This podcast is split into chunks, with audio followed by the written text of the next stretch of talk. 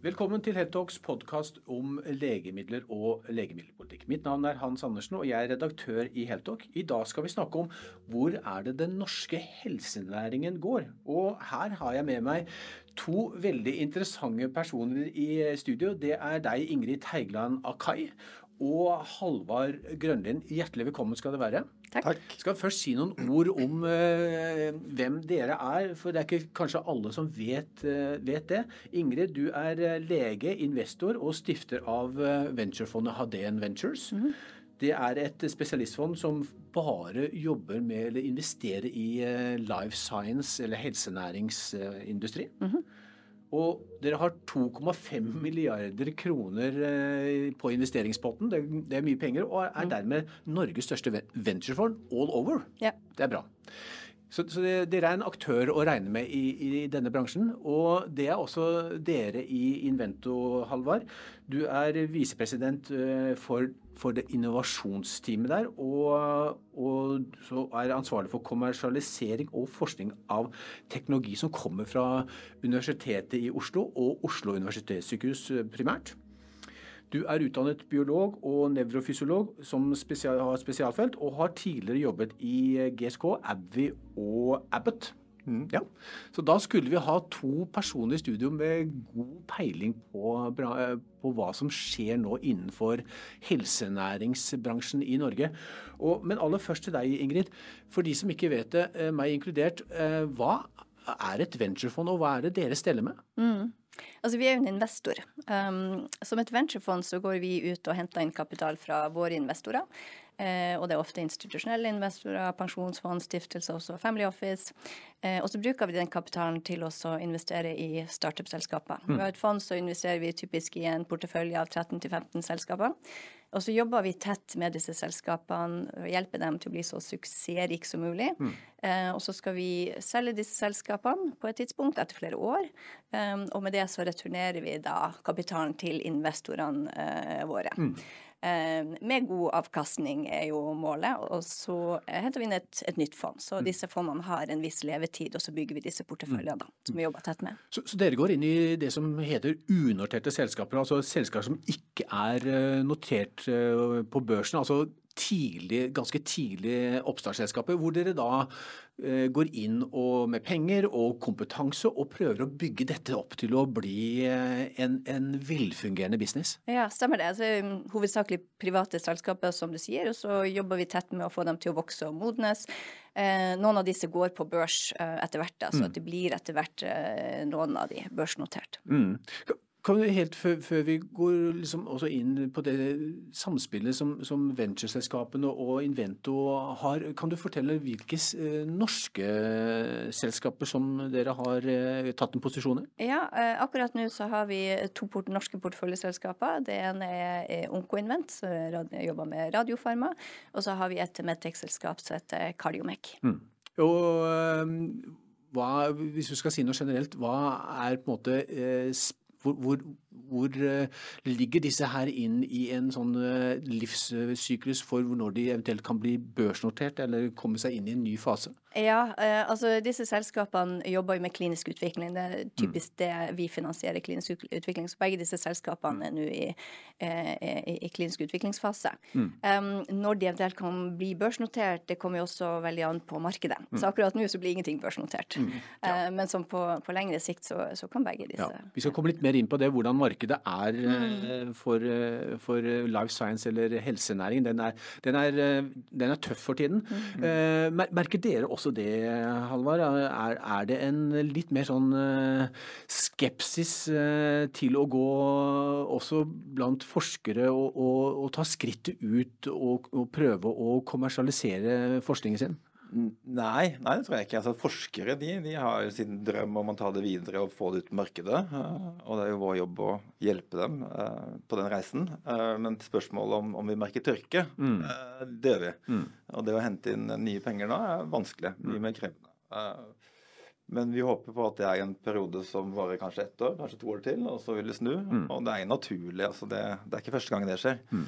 Så det, det, er noe man må ha, liksom, ta høyde for. da. Mm. Så, så, hvilken rolle spiller eh, ventureselskaper og dere som jobber i Invento eh, som en statlig, statlig virksomhet, hvordan, virker, hvordan, kan samarbeide dere for å, å hjelpe til i den veldig komplekse prosessen og krevende prosessen mot kommersialisering av, av ideer? Ja, Hvis vi først går til at vi er en statlig virksomhet, det er ikke helt korrekt. Vi er satt opp som et eget AS. Mm. Eh, men vi er eid mm. av, av altså, Oslo universitetssykehus mm. og Universitetet i Oslo. Ja. Eh, og vår jobb også i forhold til det å, å, å motivere forskere, da, eh, og ta dem videre inn til et eh, forhåpentligvis et kommersielt produkt, mm er jo egentlig det viktigste for meg da, når vi ser på nye ideer, det er at vi klarer å, å, finne ut de og ta opp de ideene som vi tror virkelig kan komme til markedet. Som har, som har mulighet til å, å, å, bli et produkt. Mm. Og så er det det å bygge et team eh, sammen med oss og sammen med forskerne. Mm. Sånn at vi, vi, samarbeider godt eh, inn mot den reisen. Mm. Uh, og det teamet det starter jo med at det er en liten gruppe, men ganske fort mm. så ønsker vi jo da å ta kontakt med, med investorer, mm. med økosystemet rundt oss. Uh, og det er jo også nydelig å se nå de siste ti årene, i hvert fall, så det økosystemet vi har rundt oss, med Alip, med Startup Lab, med Shelab eh, osv., eh, blitt veldig mye mer modent.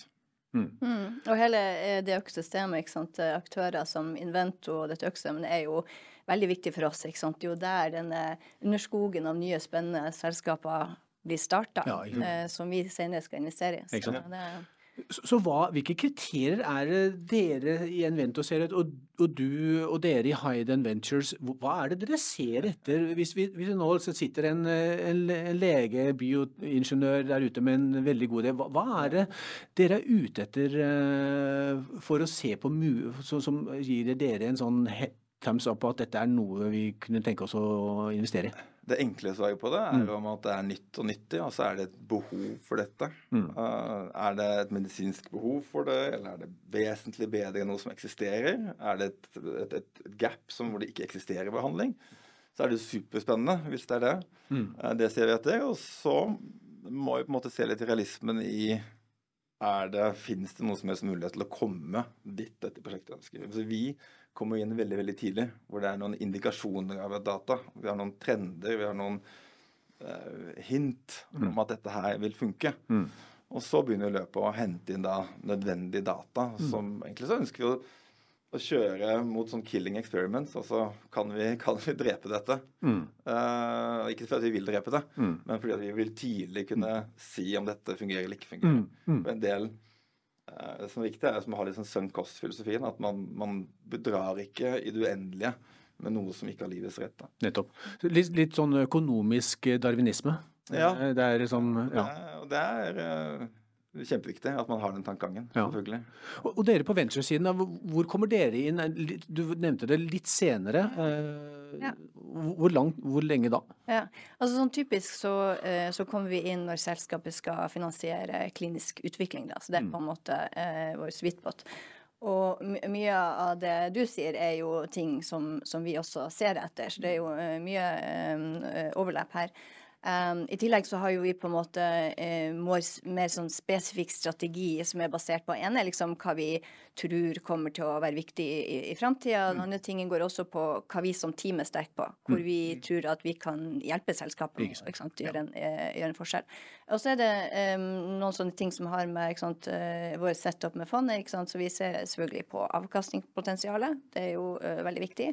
Og så ser vi på risikoprofil. At, vi, eh, at, risikoprofilen er sånn som vi syns er, er, fornuftig og vi er komfortable med å ta.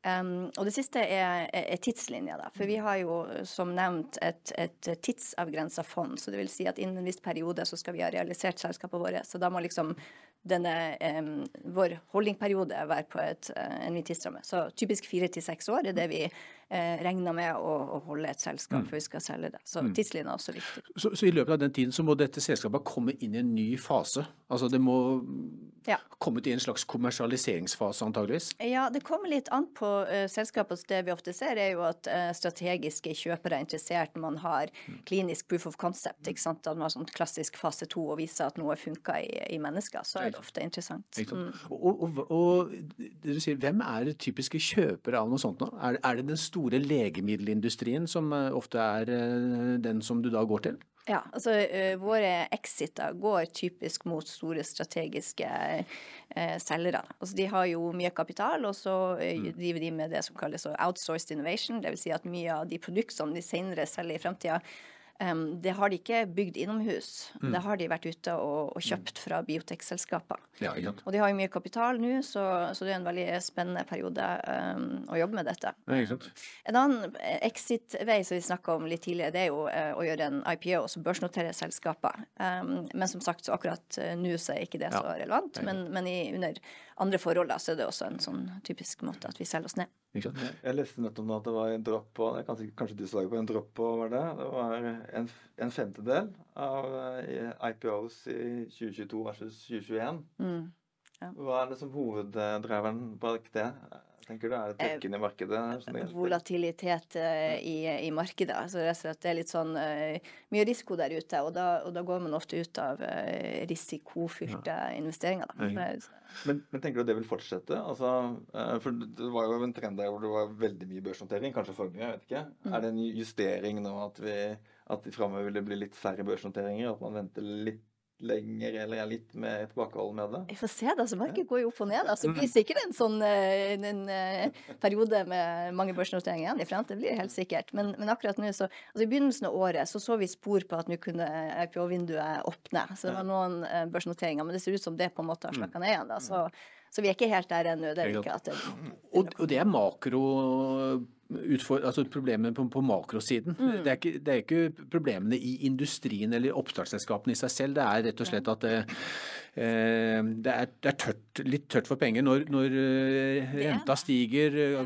inflasjonen øker, så trekker investorer ofte penger ut av eh, mer eh, kapitalmarkedet. Og det synes jo, For oss er jo det veldig spennende. Vi har jo et uh, nytt fond, og vi er i investeringsposisjon. og det, som du sier, altså Fundamentalt så er det jo veldig gode trender. ikke sant? Vi har nye teknologier. Vi har sant, en oppkjøpsvillig eh, industri, så det er mye spennende som skjer. Ja, ikke sant? Ja, ikke sant? Innenfor legemidler, så innenfor eh, genteknologi, celleteknologi, eh, mm. er det jo enorme ting som vi ser at norske selskap også henger seg på.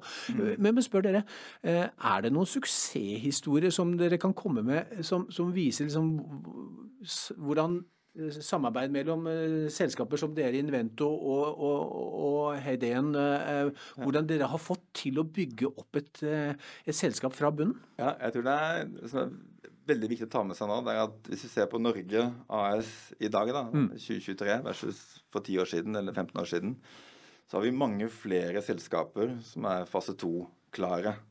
Vi har Nykode, som nå er vel oppe i 180 ansatte, altså som har en mm. størrelse. Mm. Uh, ut derfra vil det genereres masse kompetanse. Uh, som igjen vil, vil, gå inn i ny oppstart. Så vi er på en måte, som jeg ser det, så er vi på en måte litt i vei, på vei til å kanskje Kanskje vi er i nærheten av kritisk masse, eller kanskje vi er i ferd med å bevege oss forbi kritisk masse. Mm. Uh, som gjør at hjulet går litt til seg selv. Det har gått litt treigt. Men, men jeg, jeg, er ganske optimistisk på at de neste årene så vil, så vil det gå, gå bedre. Mm. Men da er det superviktig at vi tar vare på nå de vekstfirmaene som er. Ja. Altså Der det er skaleringsmuligheter, der må vi sørge mm. for at det skaleres. Mm. Men så er det spørsmålet ditt, da. Mm. Suksess. Og, og, og da ser man jo også de som er fast to-klage nå. Altså da Ultimovax, ja. eh, du har Nykode eh, f.eks. Som kom kommer ut fra Invento i sin tid. Um, og, og startet reisen sammen med Investor Ultimovax, sammen med Gjelsten og mange andre. Uh, ny kode sammen med Radfors bl.a., og også flere andre. Og vi ønsker jo uh, så Vi er helt fullstendig avhengig av at det kommer kompetente investorer. Mm. Uh, altså, vi hadde ikke levert et eneste prosjekt uten kompetente investorer som tar tak i det og drar det videre, sånn at vi kan trekke oss tilbake og ta opp et nytt prosjekt. Mm.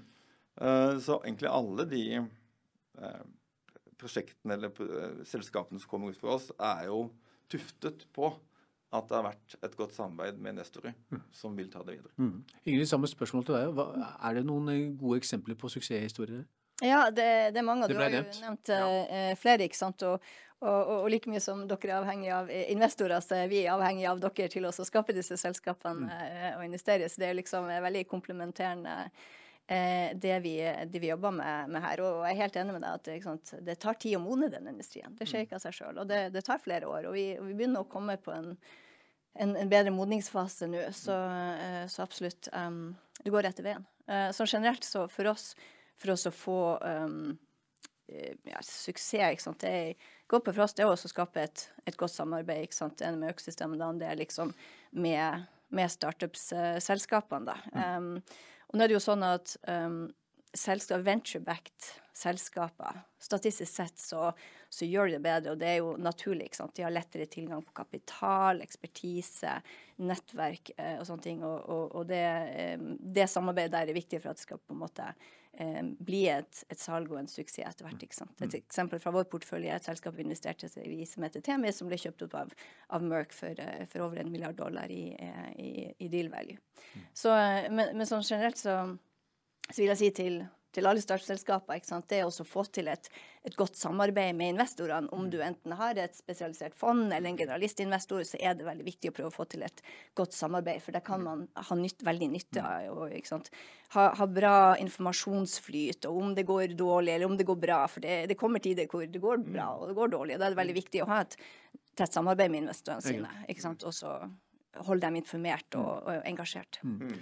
Vi hører her at, at Hadian Venture har, de, de har 2,5 milliard kroner eh, i porteføljen som de nå har investert. Men det er bare to norske selskaper som de investerer i. De har jo et paneuropeisk internasjonalt perspektiv. Er det nok eh, penger i Norge fra private investorer, Halvard? Nei, det er jo en utfordring. Uh, at uh, det, er noe, det, er ikke noe, lang kultur for å investere i, i, dette segmentet blant norske investorer. Naturlig nok, for det har ikke vært så mye å investere i. Uh, nå ser vi at det kommer mer å investere i. Og, og, jeg husker når jeg møtte Ingrid første gang når hun skulle sette opp Hadien. det er noen år siden. Mm. og da, Den gangen jobbet jeg for Abbey og prøvde å sette opp kontakter med, med Global. Og jeg var overlykkelig over at vi nå fikk på plass Hadien. Og jeg håper at vi kan få på plass enda mer mm. kompetanse innenfor dette investeringsfeltet framover.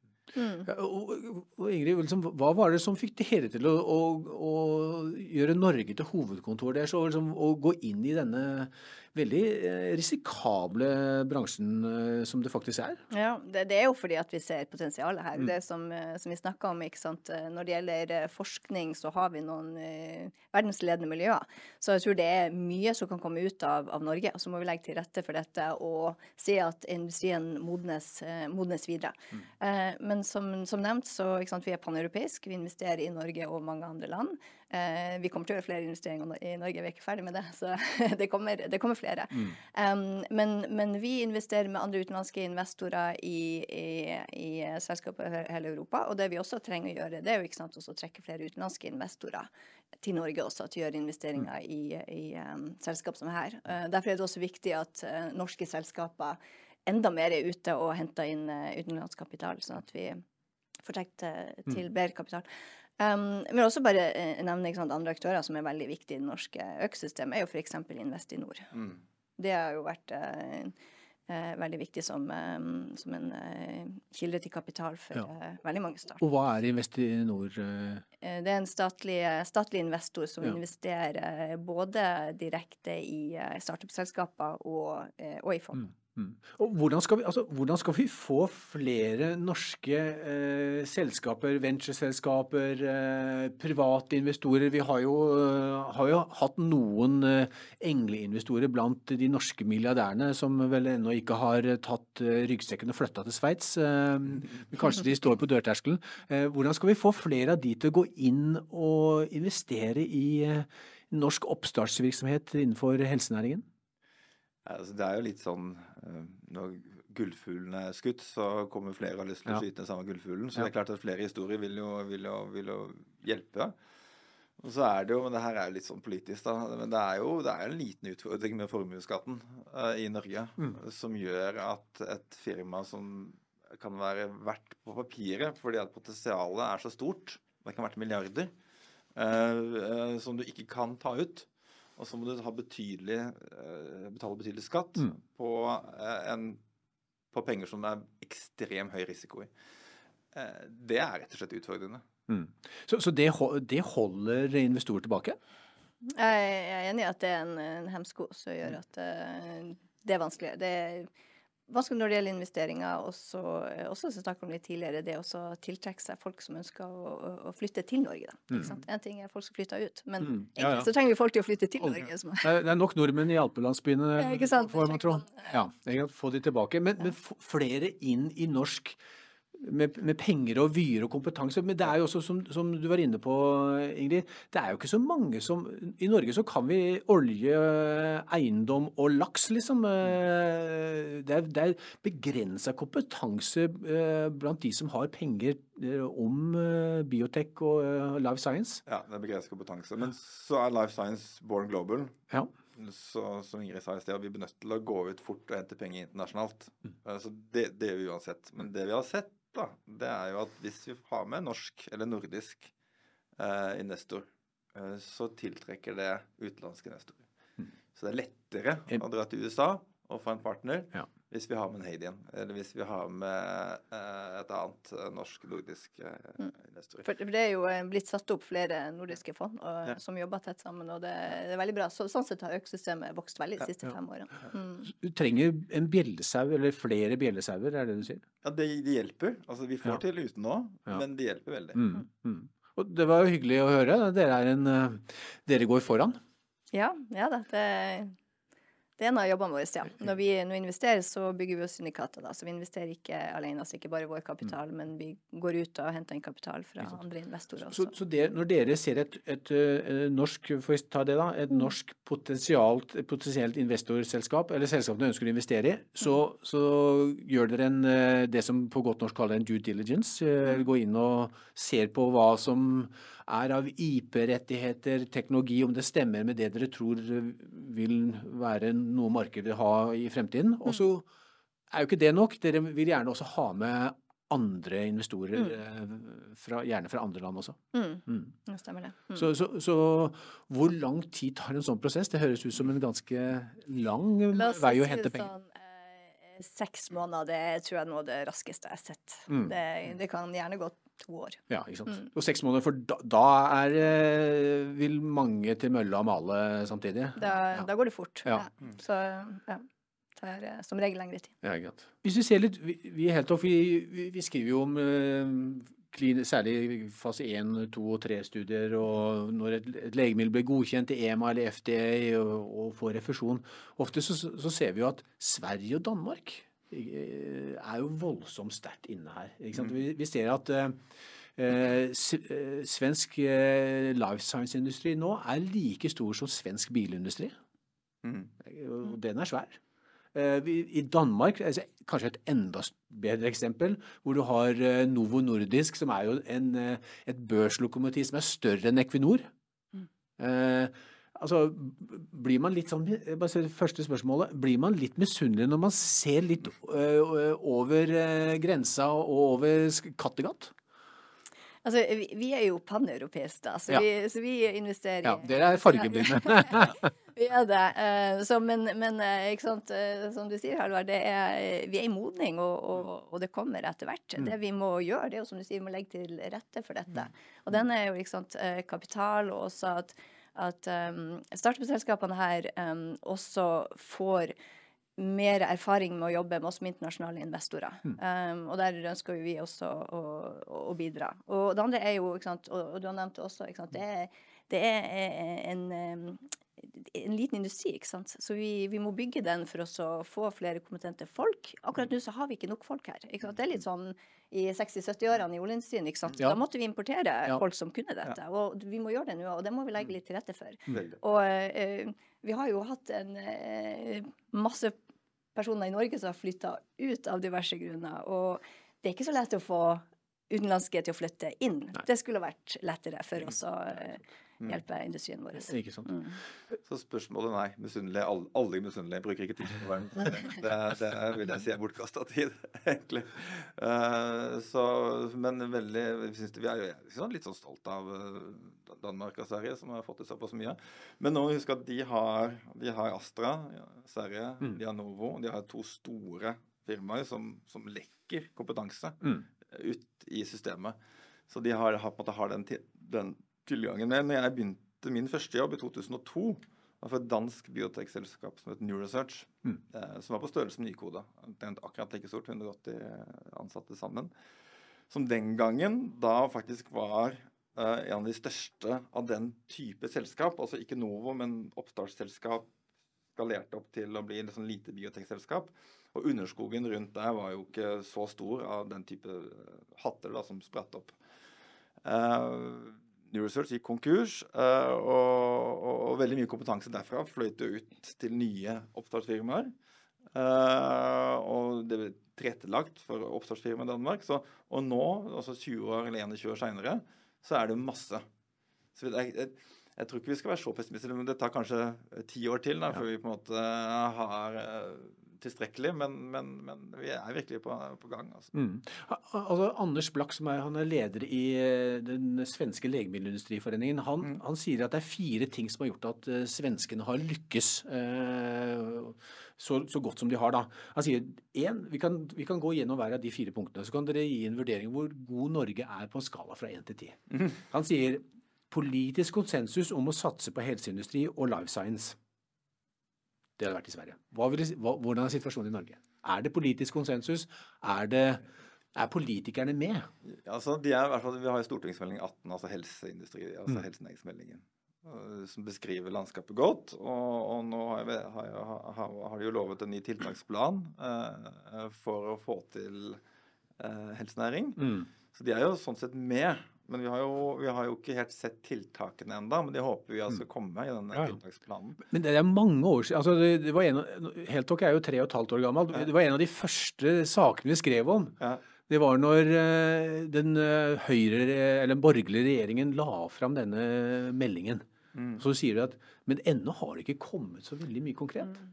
Men du må tenke litt på kompetanse der òg. Ja. Altså, det bygges jo kompetanse blant de som tar beslutninger også ja. i denne reisen. Uh, til å ta riktige beslutninger og være ordentlig med. Så jeg vil, jeg vil, jo ikke Jeg vil jo, ikke, jeg vil ikke, jeg vil jo si at de, de har sett mulighetsrommet og mm. prøver nå å tilrettelegge for det. Mm. Og så har det kanskje ikke gått fort nok. Nei. Men det er ikke en tier iallfall.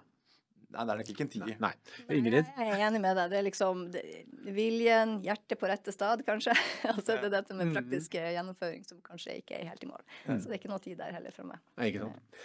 Eh, det andre punktet som Anders Blakk nevner, det er konkrete strategier som peker ut at Sverige skal være et foregangsland for innføring av presisjonsmedisin i verden. Mm. Uh, og Det han tenker blant annet på her, er jo bl.a. å gi uh, at også svenske myndigheter sier ja til eh, si, presisjonsmedisin som ikke er produsert i Sverige. Fra Merck, MSD og fra alle de andre store selskapene. Mm. Hva er situasjonen i Norge? Skal vi starte med deg, Ingrid. Nei, altså Det er ikke noe tid der heller, vil jeg si. Altså igjen sånn, altså For, for startup-selskapene sin del så er det jo ikke eh, utvikling primært for et norsk marked. Mm. Så, så, på en måte for den innovasjonsdelen så er ikke det eh, avgjørende, fordi at det er jo på en måte det globale markedet man ser på. Men allikevel så er det jo et, et hjemmemarked man skal ta hensyn til også, mm. så man kan gjøre det bedre der òg. Sånn. Mm. Ja, ikke sant? Og... Det er jeg for så vidt enig i. og det er men igjen så håper jeg at den der, i den tiltakspakken da, som ja. kommer, så det å, på en måte fokusere satsingen litt uh, tror jeg kan være For jeg håper er en av de punktene. Og så den der Boston Consulting Group kommer jo med en, jo med en liten blekke uh, om helsenæringen i Norge nå for noen, noen uker siden, måneder siden mm. kanskje. Uh, hvor de peker nettopp på det, at man må fokusere ut noe. Mm. Nå er det på tide. En strategi ja, for ja. Vi kan ikke satse på alt. De må på en måte snevre det inn mot områder. De pekte på på, på, på helsedata. Ja. Hvis, du, hvis, du, skal delta i, i stor bakke, så må du en eller annen gang så må du tørre å gå opp i tårnet. Ja. Ja må det. Ja, og, sett ut. Mm. Ja, ja. Men jeg har, noe, jeg har ganske jeg har store forhåpninger om at det vil, det vil bli en del av, av det. altså At ja. den er tidligere prioritering. Det tredje punktet som Anders Blakk, eh, Blank sier, det er gjennomføre flere industrifinansierte kliniske studier. Mm. Der har det jo vært en bedring. Absolutt. Så der er vi iallfall ikke Det er kanskje over, over, snittet? Ja, jeg vil si at den, den trenden uh, så, så det kommer jo også noen meldinger og, og ambisjoner om å få til flere studier osv. Så, mm. uh, så tok det litt tid før det egentlig satte seg. Men hvis vi ser på tallene nå, så har vi jo for første gang på lenge uh, sett en endret trend til det positive. Mm. Og det handler mye om at i hvert fall jeg kommer fra industrien. og For min del, når jeg jobba som medisinsk direktør i GSK, så var jo det at jeg kunne vise til en track record. At jeg kunne vise til at, at, at Radiumhospitalet har levert kjempebra i, i forrige studie. Mm. Så får jeg en nytt studie med en gang. Ja. Så det her er en positiv eh, en, et sånn uh, Gjør du det bra, så vil du fortsette liksom, ja. å kunne få flere. Ja, ikke sant. Ikke sant. Mm. Og Ingrid, hva tenker du? Mitt inntrykk er også at der, eh, der gjør vi det, ganske bra. Mm. Ja. Mm. Og, det er jo en av de tingene som du er ute etter å se på dine oppstartsselskaper, at ja. man kan få til å starte kliniske studier i, ja. Eh, i Norge? Ja, det er det. Det, det, kan, det, kan, hjelpe godt på vei da, at vi eh, har eh, gode sentre her hvor man kan kjøre studier. Det, det, er bra hjelp på. Selvfølgelig, mm. når man skal videre, så må man ut i verden og ha kliniske studier i mange land. Ja. Men det er bra Nettopp. å ha bra forhold. Så, som blant, blant, annet Ultimovax, som vi har vært inne på, nå er flinke til å gjøre. Ta helt det siste punktet til, til sjefen i den svenske eh, legemiddelindustriforeningen. Det er å øke bruken av helsedata for forskning og innovasjon. Det er også en av de temaene som har vært eh, til det utrettelige vært snakket om. Men i hvert fall vi som sitter litt sånn og, som journalister og ser på dette, så er det jo ikke veldig mange gode eksempler. Jeg, jeg kan ikke komme knapt på ett godt eksempel ja, hvor man i hvert fall har brukt helsedata for å, å lage et kommersielt selskap i hvert fall som har begynt å tjene penger. Eller tar jeg feil? Nei, ikke meg. Altså, jeg vet Det er jo et, et, som er satt opp nå for å, for å, se på de mulighetene. Men som vet ikke mye, jeg kan ikke si noe om Nei, det er ikke kommet så langt. Altså, det, det ikke, men, uh, men, det er et mulighetsrom der. Mm. Uh, og du er ikke alene om det å på en måte stått og sett på mm. og vært litt utålmodig og har lyst til å få litt mer fart på det. Mm. Men det skjer jo også mye der. Uh, det gjør det. men skjer det fort nok, er jo kanskje spørsmålet. Det, det ja, um, altså det har vel vært litt sånn vanskelig å finne ut egentlig. Altså man har en, en kilde der, og så hvordan kan man bruke det på ja. mest mulig måte. Så det er liksom det, det har vært litt uh, Ja, veien har blitt litt til mens det har gått, da. Mm. Uh, så jeg tror man begynner å finne modeller å bruke dette på. Men igjen, jeg tror man må på en måte ha rett ambisjonsnivå. Man kan begynne med noe her, og så måte, så må man allikevel ut og finne mye mer data i andre land. Altså Det er ikke nok til oss å gjøre et produkt på den dataen vi har på norsk befolkning. Vi er en populasjon på fem millioner og viser forutsetninger. Det kan ikke generaliseres til produkter som skal brukes globalt. Så man må liksom på en måte et bra grunnlag, og så må man på en måte ut for å komme i mål da med et mm. produkt. Ja, og så er det litt sånn som du sier, det å stokke beina litt. Hvordan er det du faktisk skal ta i bruk dette her. Mm. Uh, men de facto at vi har unike helsedata i Norge, med personnummer, med gode helsevesen, med gode trackingsystemer, Det facto, det eksisterer. Mm. Og så er det bare spørsmålet hvordan vi best kan bruke det. Og så er det ganske mange juridiske Det er ganske komplekst juridisk å mm. bruke data fra mennesker til mm. mm. noe. Mm. Men det har nesten vært fremstilt som at det, var, det er som oljefeltet i Nordsjøen. Det er bare å sette et rør ned i og pumpe opp. Ja, det er det ikke. Et, nei, det er ikke det. Nei. Det er ikke sammenlignbart. Nei. Nei. Så det er, det er et, et, stykke igjen. Vi, vi har sett på hva, hvor gode er vi til å legge til rette for en, altså, til en norsk life science-industri? Hvor, hvor, alt fra, fra, fra, politisk satsing, konkrete strategier, industrifinansierte studier og, og øke bruken av helsedata. Mm. Hvor, hvis vi skulle prøve å oppsummere? Jeg foreslår eh, terningkast, ikke terningkast. Fra én til, til ti sier jeg eh, seks. Eh, seks. Ja. Så eh, ikke verst, men eh, ja. definitivt rom for Et, et stykke vei å gå. Ja. ja. Halvard? Ja, seks-syv kanskje. Altså, hvis, altså, hvis, du ser hva som har skjedd på ti år, mm. så er det ganske mye. Mm. Og hvis, hvis den liksom bare fortsetter å vokse, uh, så, så, om ti år så vil det skjedd veldig mye mer. Mm. Så det, det, det, er jo positivt. Ingrid og, og, og Halvard, eh, hvilke altså det, Dette er jo en bransje hvor det skjer store teknologiske eh, gjennombrudd. Eh, nesten ikke fra dag til dag, men, men øh, ganske ofte. Eh, hvilke fremtidige trender og muligheter eh, og teknologiske gjennombrudd ser dere er på vei inn, og, som kan kommersialiseres og bli viktig for norsk helsenæring? Ja, Altså, Grunnprinsippet blir værende. Eh, det er at man, man, må fylle de gapene som er. altså Alzheimer, f.eks. Det er et medisinsk behov. Mm. Uh, og, og, vi har ikke klart å fylle det. Så det hotteste framover vil uansett være nye targets, da, altså nye måter å behandle uh, sykdommer som per datum ikke er behandlet. Mm. Og så har man en del mer verktøy i verktøykassa enn man hadde tidligere. Og, og det har lenge vært haussa opp med AI og ML og deep learning, og så har det kanskje ikke kommet så mye ut av det som man trodde. Men, men man ser likevel at det begynner å komme en del. Uh, datamengden som går inn for å bygge opp disse maskinlærings, altså chat, uh, ChatGPT er et mm. eksempel der. Mm. Uh, så jeg tror at, at det vil faktisk skalere ganske fort fremover. Uh, og det vil åpne en del muligheter for å løse de gåtene vi ennå ikke har løst. Mm. Kompleksiteten i Alzheimer, altså det er på en måte min mm. bakgrunn, uh, er så stor at den, den, er fryktelig vanskelig å forstå.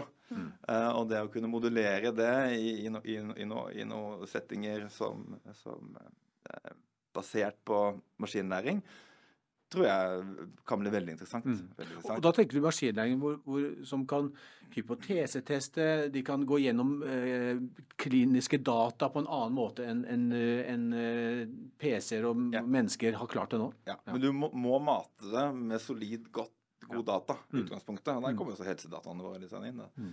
Så hvis utgangspunktet er bra, så kan den sette opp kombinasjoner. Mm. Og egentlig være litt sånn som ChatGPT. da, Sette opp kombinasjoner, og ut fra de kombinasjonene også være litt kreativ. Uh, og der kommer litt muligheter. Mm. Og så er det sånn som du sa, celleterapi og genterapi. Altså det er jo helt åpenbart. altså Hvordan man kan bruke kroppen mer til å modellere den, sånn at mm. den selv fikser sykdommen. Ja. Og Der har nok bare så vidt begynt å skrape på overflaten. Det ser man jo også hvis man ser på kliniske studier. så ser man det innenfor cellegenterapi, eksplodering, og også RNA-vaksiner. altså Det er helt åpenbart med covid som kommer og plutselig så fikk vi en ny måte uh, og lager lage å lage vaksine på, som også er superhot. Mm. Så det er vel det jeg vil tro er trendene. Mm. Og Ingrid, hvis du ser inn i krystallkula, hva, hva er det du ser da? Ja, mye, mye enig i det. Mm. Um, men for å ta et steg tilbake ikke sant, i dette scoringkortet, så jeg er veldig tro på norske forskermiljøer. Altså. Vi har enkelte områder som har virkelig verdensledende forskning. Så der, der, får Norge en, en klar tier. Mm. Så der, der, tror jeg potensialet ligger, altså, som vi snakka om å legge foran til dette. Ja, så, så, så, på forskningssiden så er vi veldig sterke. Veldig sterke. Ja, ja. Det er på kommersialiseringssiden Kommersialisering, ja. Vi må, få, vi må få mer IP ut av det, og, og, uh, jobbe med kommersialisering og sette opp selskaper. Der kan vi hente ut mye mer. Det, det, er litt sånn gullgruve, syns jeg. da. Um, og det, der er jo dere selvfølgelig helt essensielle. Um, men, men med tanke på um, spennende felt, jeg er veldig enig med deg. ikke sant? Eh, som nevnt, um, selvterapi, genterapi, RNA. ikke sant? Mm. Uh, andre ting som vi er sterke på i Norge, er jo f.eks. radiofarma. ikke sant? Det, mm. det, det vi går på, så er det slett uh, um, stråleterapi som, en, som, et medikament. Det er mm. jo uh, veldig spennende. Uh, også syns jeg mye som skjer innen digital helse også, som, mm. som du nevnte. Det, så det har vært litt sånn Det går veldig sakte, uh, men det har vært litt sånn taktskifte nå med, med, covid. ikke sant? Da folk ja. har vært uh, tvunget over på ja, ja. mer digitale løsninger og plattformer. Mm. og Det på en måte har uh, hjulpet litt fart i, i akkurat det segmentet. Mm. Så, så, hvilke råd vil dere gi? Altså det starter jo med en, ofte med en god idé.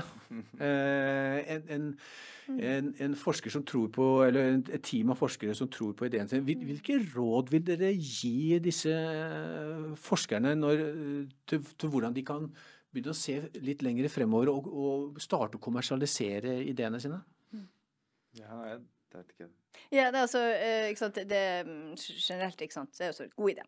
Har du en god idé, mm. og så har, har, du forskning som, som, gir backing på at dette kan fungere. Det er veldig viktig. Og så IP, IP, IP er ekstremt ja. viktig i vår industri. For hvis noen skal putte masse penger i det, så trengs eh, IP-en til å være der. Så det er mm. essensielt. Snakke mm. med Invento om, om, det, det er veldig viktig.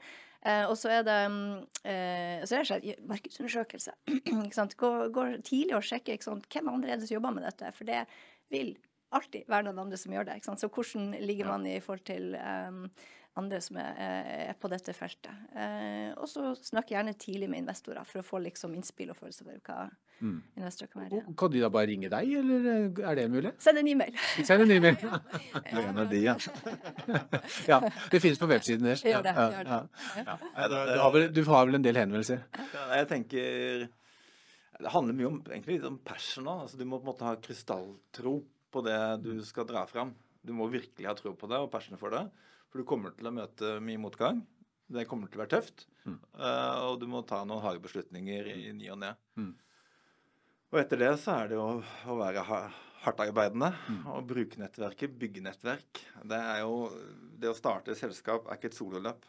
Det er, det er, det er mange aktører som må med, og som må hjelpe deg benytte av de mulighetene som finnes. Mm. For Det hjelper ikke bare med en god idé. Du, du, må ha, du var inne på det, Ingrid. altså Du må ha jurister, i hvert fall folk som kan IP. Du må ha folk innenfor økonomi. Eh, etter hvert HR, hvor du skal ha, begynne å ansette. Mm. Eh, så er det en relativt kompleks eh, ja. greie. Og så er det ett poeng til. fordi at Når du bygger team, så har du på en måte, i hvert fall som startup, da, så har du ikke så mange rundt deg, og så blir du nødt til å kjøpe inn en del tjenester. Og så må du ha investorer. Og partnerskapet du har med investorene, og partnerskapet du har med CRO-ene, altså de du kjøper tjenester av, det er kanskje dine viktigste partnere for å lykkes. Så den kjemien og den altså Én ting er at track record, hva de har fått til tidligere og sånn, men også personkjemien skal fungere som tålelig. For disse skal du jobbe mye med. Mm.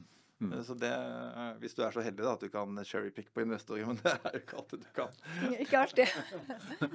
Hva tenker du om det, personkjemia? Det er, det, det er viktig at teamet fungerer? Ja, det, det, er det absolutt. Det er jo et langt og tett uh, samarbeid. Det er jo det. Og så, som vi snakka om før, det kommer gode, gode, dager og onde dager. Man skal gjennom uh, begge. Mm. Det, det, var gode råd til eh, de som har eh, går rundt med eh, ideer om å starte et, et, et, et selskap innenfor helsenæringen. Ingrid Teigland Akai og Halvard Grønlien, tusen takk for at dere kom til oss for å fortelle oss hvor er det norsk bioteknologinæring er på vei. Takk skal dere ha. Takk. Takk for at vi kom.